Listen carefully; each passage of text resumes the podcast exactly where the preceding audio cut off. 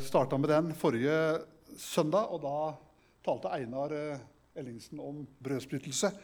Da tenker du at da skulle vi kanskje hatt brødsprytelse da, men vi hadde den i dag.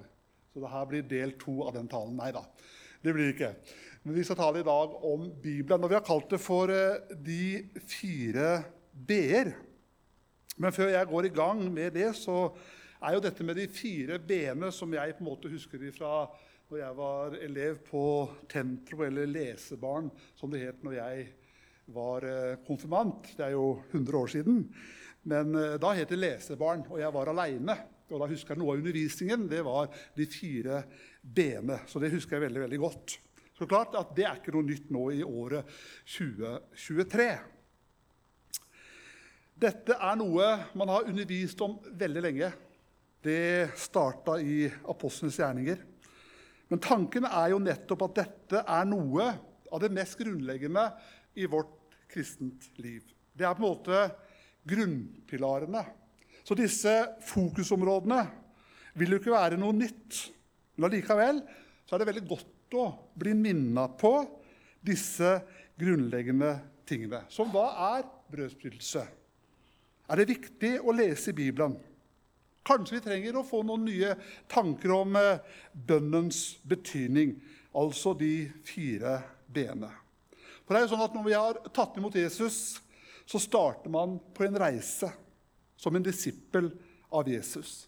Og som disippel, om du er ny på veien eller har levd lenge med Jesus, så er det utrolig viktig å ikke glemme de mest grunnleggende tingene i disippellivet.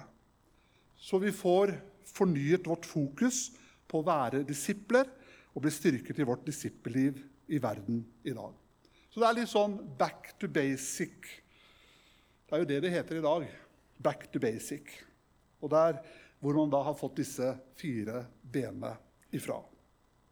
Jo, vi må litt sånn tilbake til basic, altså back to basic. For vi må tilbake helt til U-kirken for å lese dette verset. De første kristne og den første menigheten som det står om i Apostlenes gjerninger, kapittel 2, og det er jo versene egentlig 42 47. Men vi tar også leser da, og der står det 'fellesskapet mellom de troende'. De holdt seg trofast til apostlenes lære og fellesskapet, til brødsbrytelsen og bønnene. Altså Apostlenes lære det betyr jo Bibelen, Guds ord, fellesskapet. Det betyr dette brorskapet, brødsbyttelsen og bønnene. Så i dag så er tema Bibelen. Jeg har lyst til å snakke om Bibelen i dag. Og da har jeg lyst til å starte med et spørsmål. Hvem har Bibelen med på møtet i dag? Ja, det var ikke mange. Så her har vi en jobb å gjøre. Det er et godt spørsmål. Ja, det er klart du har Bibelen med på telefonen. Det er helt greit. Det er bra, det også. Men det er jo noe med denne boka her å ha den med. Ganske fin farge, er ikke det? Den er jeg veldig veldig glad i. Så den, eh, den har jeg med stort sett nesten hver gang jeg taler. August Samuelsen, vet ikke om du har hørt om han? Det har du sikkert. Han sa det er tre bøker du må ha med på møte og gudstjeneste. Det er eh, Bibel, det er sangbok, og det er lommebok. Og vi har jo ingen av delene med oss i dag. Så her sitter vi. når vi har en telefon. Og det er bra at vi har en telefon, da. Men Bibelselskapet i Norge har markedsandel på bibelsalget i Norge hvert eneste år. Hvert eneste år så selger de utrolig mange bibler. I året 2011 så ble den oversettelsen her kommet for første gang. Det året der det på en måte toppa alt som het bibelsalg på en måte fra Bibelselskapets side. Da ble det solgt 137 000 eksemplarer av Bibelen. Og Det er klart at det var mye pga. 2011-oversettelsen. Så kan man tenke seg hvor mange bibler finnes det i verden? Hvor mange bibler er det egentlig? Statistikken viser at ca. 100 millioner blir produsert hvert eneste år. USA alene er det ca. 20 millioner bibler som blir produsert. I Norge har salget gått ned. I 2011 så ble det solgt i underkant av 60 000 bibler. Og mesteparten av de biblene ble solgt til kirker, konfirmanter og brudebibler. Altså ca. 22 000 ble solgt på privatmarkedet. Og det er det laveste på utrolig mange år.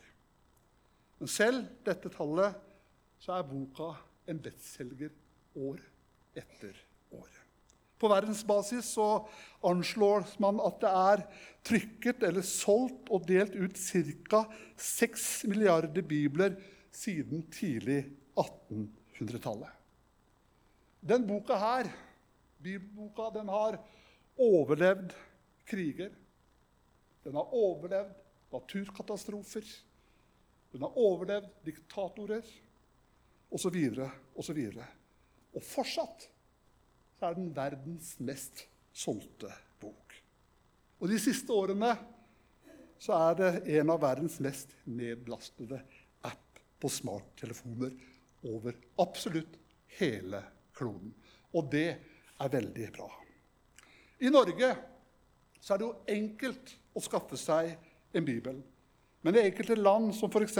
Kina, så kan kristne gå i dagevis for å få denne boka her. Jeg har hatt to turer til Kina, eh, og det var interessant. Og turen var at vi skulle smugle bibler over fra Hongkong og inn i Kina. Så tenker jeg, Er det nødvendig å gjøre det? Ja, det er det. For der er det utrolig mangler på bibler. Ble jeg tatt? Ja, jeg ble tatt åtte av ni ganger over grensa. Og Da måtte jeg la biblene stå igjen på togstasjonen og grensa. Og så kunne jeg få lov til å ta dem med meg igjen inn i Hongkong. Så de ville ikke ha de over og inn i Kina. Så husker jeg andre gang jeg skulle til Kina. Da skulle jeg fly fra Gardermoen, og da hadde jeg stappa på en måte reisekofferten full av bibler. Som jeg da skulle ha med meg inn på flyet. Den ble stjålet. Jeg tenker på de folka som fikk den. En, en koffert full av kinesiske bibler. De ble sikkert velsigna. Så den fikk jeg aldri tilbake. Så altså, man kan gå i dagevis for å få en bibel. I enkelte ekstremt muslimske land så kan man bli forfulgt og drept for å eie en bibel. I USA så bruker man Bibelen til å sverge det i rettssaker. Så hvorfor er Bibelen så viktig? Hvordan kan, den, eller, hvordan kan, den, egentlig ha noe betydning for meg i dag? Hvordan kan jeg få noe ut av Bibelen? Og hvordan kan Bibelen bli et fast innslag i min hverdag? Altså, Bibelen er historien om Guds åpenbaring og frelse. Jeg tenker at Gud han åpenbarer seg på hvert fall fire måter i Bibelen. Jeg tenker på skaperverket. Det forteller meg at Gud fins. Om naturen, når jeg ser våren, når jeg ser på en måte alt som skjer, så kan jeg se noe av Guds storhet. At Gud er til. Allmakt, omsorg osv. osv. Paulus han sier i Romerbrevet, kapittel 1 vers 18-20 for det en kan vite om Gud, ligger åpent foran dem. Gud har selv lagt det åpent fram. Hans usynlige vesen, både hans evige kraft og hans guddommelighet, har de fra verdens skapelse av kunnet se og erkjenne av hans gjerninger. Derfor har de ingen unnskyldning. Men det er likevel flere viktige ting Gud vil lære oss som har sitt opphav i skapelsen. Det er vår personlighet, naturlige gaver og talenter. Den andre måten Gud på en måte åpenbarer seg på, det er jo ved Den hellige ånd. Gud han har jo vært til stede hele tida fra verden blei til. Før Jesus så var hans ånd til stede hos enkeltmennesker. Etter Jesus i alle som vil tro på Han. Og den tredje måten er jo Jesus Kristus. Denne personen Jesus. Han er og har fullt ut vist oss hvem Gud er, altså Jesus, Guds sønn. Gud vil gjøre det helt tydelig for alle mennesker hvem han er, og hva som er hans vilje. Og Derfor så sender han Jesus til jorda for å leve her i 33 år og demonstrere og fortelle hvem Gud er, og hvordan vi kan bli hans barn.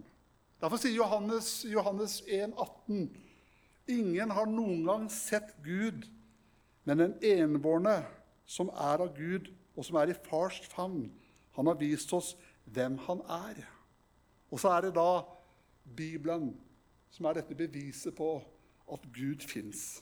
Historien om hvordan Gud har åpenbart seg i skapelsen gjennom et utvalgt folk i Israel, Jesus og Den hellige ånd. Som også det står i Hebrebrevet, kapittel 1 og vers 1 og 2. Mange ganger og på mange måter har Gud i tidlige tider talt til fedrene gjennom profetene. Men nå, i de siste dager, så har han talt gjennom Sønnen. Han har Gud innsatt som arving over alle ting. For ved han så skapte han verden.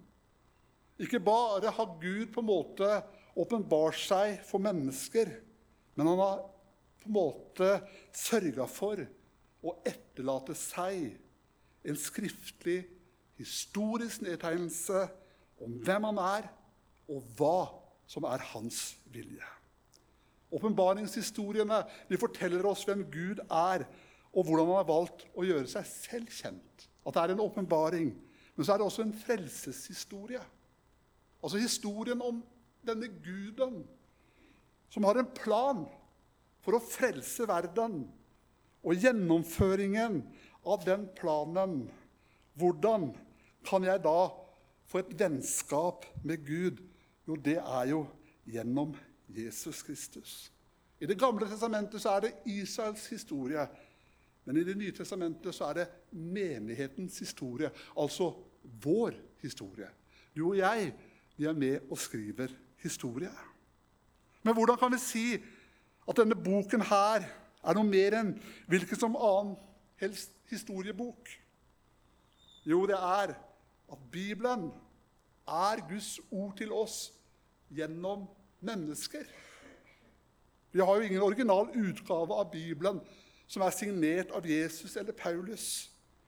Alle de biblene som fins i dag, er jo oversettelser av gamle kopier av det originale hebraiske Gamle testamentet og de greske nytestamentlige grunntekstene. Men det finnes så utrolig mange solide, gamle manuskrifter som gjør at man har klart å være så tilnærma lik originalen som man kan klare 100% Derfor så tror jeg av hele mitt hjerte på denne boka.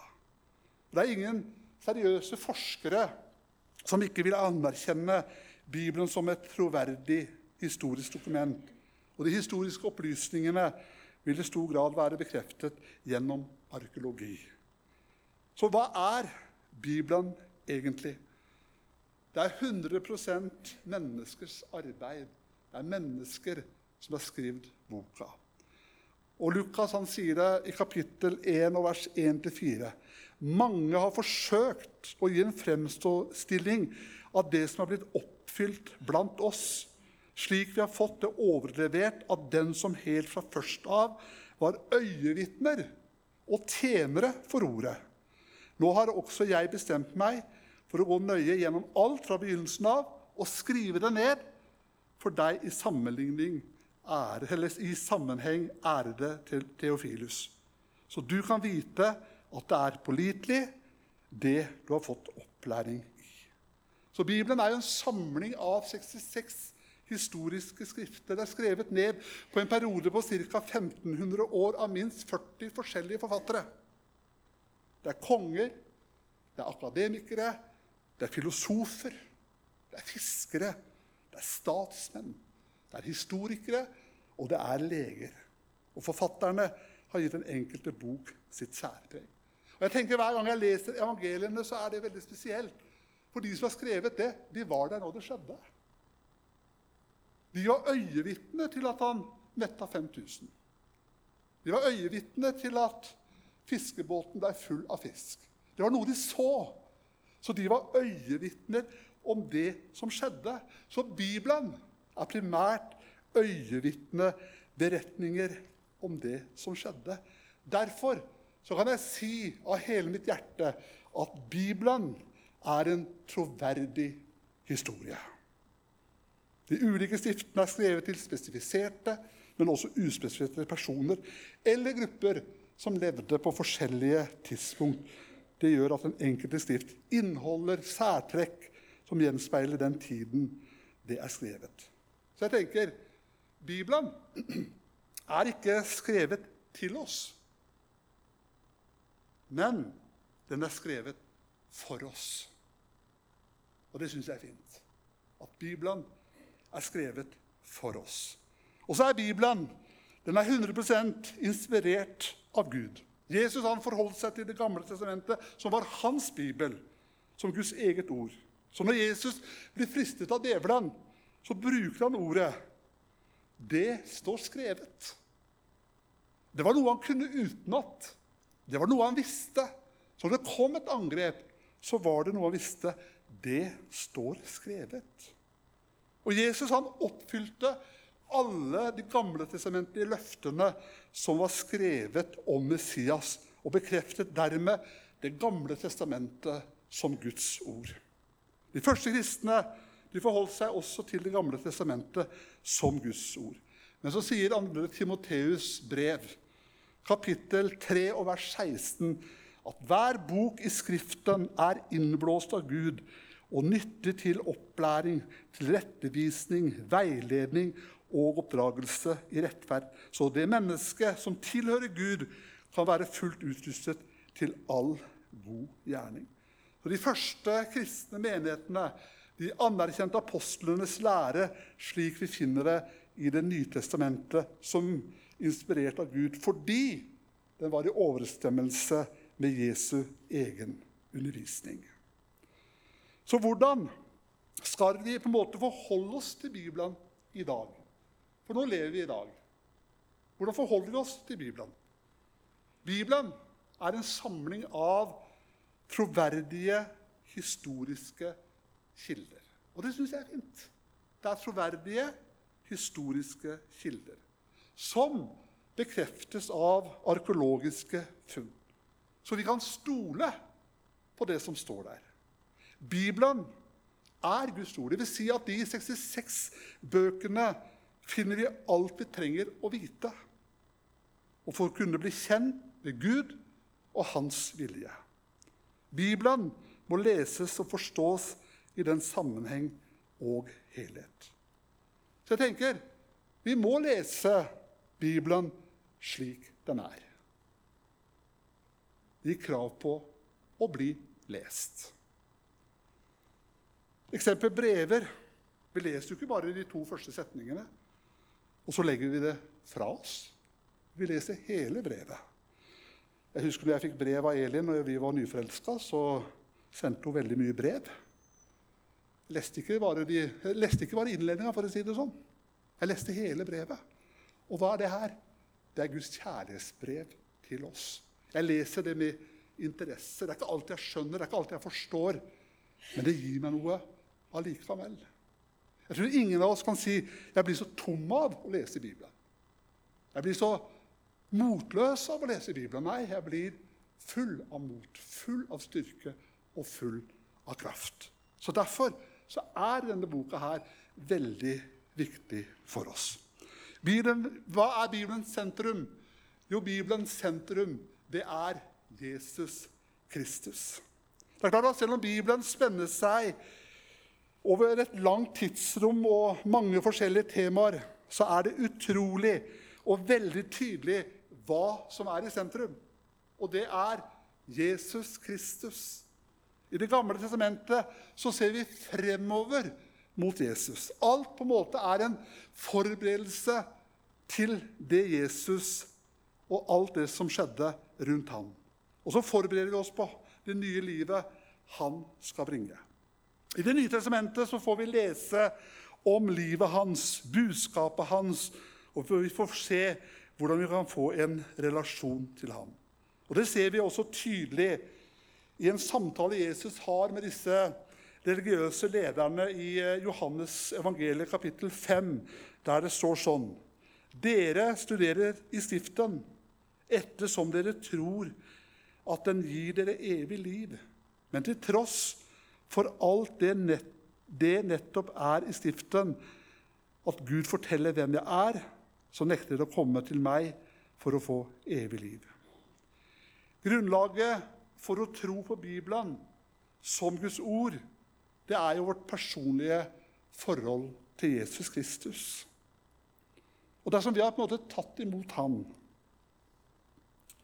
og tror på Han som en levende person, som fortsatt virker i verden i dag ved Den hellige ånd, så er det bare innlysende at vi tror det som Jesus selv sier og uttaler seg om. Og i motsatt tilfelle, dersom ikke vi tror på Jesus, hvorfor skulle en tro på noe av det han har sagt? Men jeg tror på Jesus av hele mitt hjerte. Derfor tror jeg alt det denne boka sier om ham. Så hvorfor er da Bibelen så viktig? Jo, gjennom Bibelen så taler jo Gud til oss i dag. Det er klart at Selv om Gud taler direkte til oss ved Den hellige ånd Vi kan høre på måte Guds tale, og man kan oppleve det. Men den beste måten å høre Gud tale på, det er å lese denne boka her. For det er Guds tale til oss. Som også 2. Timoteus sier det, helt fra du var et lite barn, har du kjent de hellige skriftene, de som kan gi deg visdom til frelse ved troen på Kristus Jesus. Hver bok i Stiften er innblåst av Gud og nyttig til opplæring, tilrettevisning, veiledning og oppdragelse i rettferd.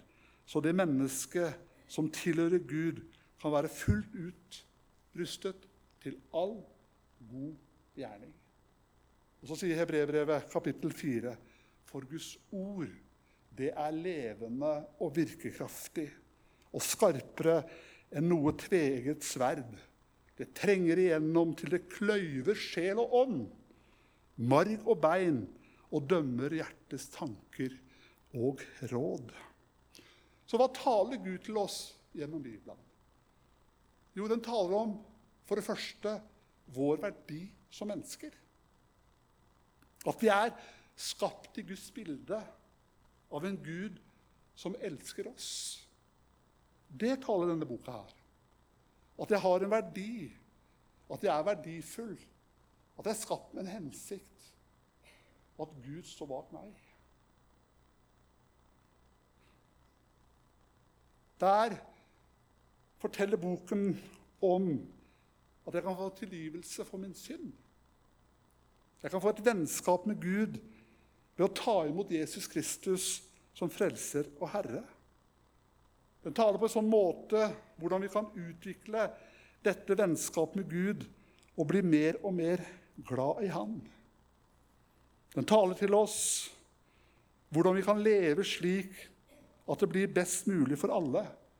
I ekteskapet så taler Bibelen til meg som ektemann. Den taler til meg som far. Den taler om vennskap, om arbeidsforhold overfor barn, myndigheter og våre fiender. Den taler til oss hvordan vi best kan forvalte våre penger. Hvordan vi kan unngå å falle for fristelse. Hvordan vi kan få hjelp når vi har tabba oss ut. Den gir meg trøst i tøffe situasjoner, ved dødsfall og sykdom. Den inneholder bønner og klager vi kan bruke overfor Gud når vi ikke skjønner noen ting. Er det rart vi kan bli glad i en sånn bok? Og vi lar Jesus som herre i livet sitt det er å la Bibelen ha den høyeste autoritet. Og Det betyr en følgende holdning, og det er ikke lett. Men når Gud taler til meg om noe, enten gjennom Bibelen eller på andre måter, så har jeg bare så lyst til å gi ham rett og bøye meg. Det er ikke alltid like rett eller lett. Jeg tror at det er riktig å gjøre det. Hvordan skal jeg oppleve mer at Gud taler til meg gjennom Bibelen, og at den blir autoriteten i mitt liv. Jeg tenker for oss, Hva betyr det for oss i dag? Livet våre, hverdagen vår. Jeg tenker at Bibelen Jeg tror det er viktig at Bibelen må få en hjemlig plass i hverdagen vår. Det er jo sånn med oss at vi skaper plass for det som er viktig. Det gjør vi på en måte. Noen ting vi er helt avhengig av, mat og drikke og luft, det på en måte går av seg sjøl. Men Jeremia sa om Bibelen 'Jeg fant dine ord, og jeg åt dem'. Bibelen er mat for vår sjel. Tenk, Skal vi vokse som kristne og virkelig erfare Gud i våre liv, så tror jeg at vi er helt avhengig av at Bibelen jevnlig får plass i livene våre. Jeg husker en gammel bibel som jeg fant hos et gammelt menneske. Jeg begynte å bla i boka. Det var så opp, på en måte det var streka under og skrevet i, og den var vel brukt, for å si det sånn. Så sto det i margen PE. Vet du hva det betydde? Prøvet og erfart. Jeg tror noe med det. Skal vi forstå hva denne boka handler om, og vi er avhengig av det, så er det å lese også boka. Hvordan lærte jeg å lese Bibelen? Det var at Jeg hadde en mor som var kristen, som sto opp hver dag. Før jeg gikk på skolen, så måtte jeg sitte og lese i Bibelen for henne. Det var ikke snilt gjort. Men det var godt gjort.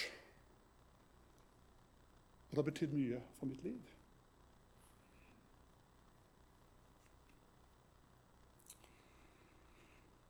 Det er viktig, og det kan jo selvfølgelig skje på flere måter. Det kan skje gjennom fellesskap og menigheten i dag. I leser vi Bibelen. Vi har Bibelen på veggen, du har den på telefonen, du har den med deg. Men det kan skje også i denne alenetida med Gud. Det er ikke alltid man har tid til det. Jeg tror at det er viktig innimellom å prioritere tid til det. Fellesskapet, vekstgrupper, gudstjenester. Dette blir ofte det mest utfordrende. Hvorfor? For det er så utrolig mange ting som er viktig. Så mange behov som hele tiden på en måte roper på oss. Men så tenker jeg hva er viktig i mitt liv? At Gud ønsker å tale inn i mitt liv. Hvor viktig er min relasjon til Han? Å innputte fra Han sammenlignet med alt det andre. Søk først Guds rike og Hans rettferdighet, så skal du få alt det andre i tillegg. De fleste hjem har jo en bibel, sikkert enda flere, et eller annet sted. Og for noen så er det kilden til dårlig samvittighet. Er jeg på et bønnemøte og jeg hører hvor lite vi har bedt, så får jeg dårlig samvittighet. Så kan man få denne dårlige samvittigheten. Jeg burde selvfølgelig lest mer. Han gir meg dårlig samvittighet. Men vet du hva? Dårlig samvittighet er en utrolig dårlig drivkraft til å begynne å lese Bibelen. Vi skal ta til slutt og se hva andre sa om Bibelen. Abraham Lincoln, amerikanske presidenten, han sa dette om Bibelen. Jeg tror Bibelen er den beste gave Gud noensinne har gitt menneskene. Alt det gode fra verdens frelser formidles til oss gjennom denne boka. Det er godt sagt. Dronning Victoria av England sa det sånn. Denne boken er forklaringen på Englas storhet. Charles Dickinson sa det sånn Det nye testamentet er den beste bok i verden noensinne har kjent eller kommer til å kjenne. Så var det predikantens far, som kaller Charles Spurgeon, han sa det sånn Støv på din, bibel er rust på din sjel. Bibelen er mye mer enn en kulturformidler. Den er mye mer enn en, en bok som gir gode råd. Bibelen er Guds levende ord til oss. Det formidler oss veien til Gud og er derfor verdens viktigste bok. Så jeg anbefaler oss alle til å lese Bibelen regelmessig. Det kan være noen vers av gangen. Så leser du de, og så tenker du på de.